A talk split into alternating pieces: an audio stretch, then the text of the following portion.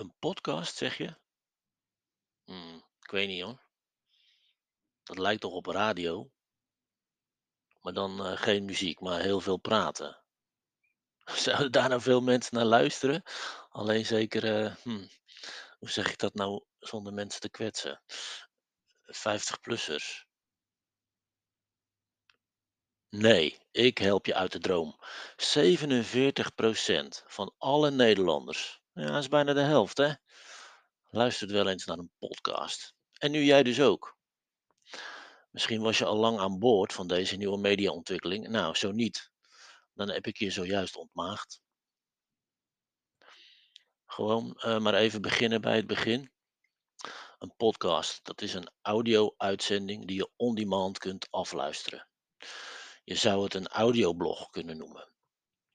Het draait meestal niet om muziek, maar om een bepaald onderwerp, sport, eh, misdaad, technologie. Het kan stand-up comedy zijn. Eh, soms educatief, grappig of juist bloedstollend spannend. En wist je dat zo'n podcast eigenlijk ook makkelijk te maken is?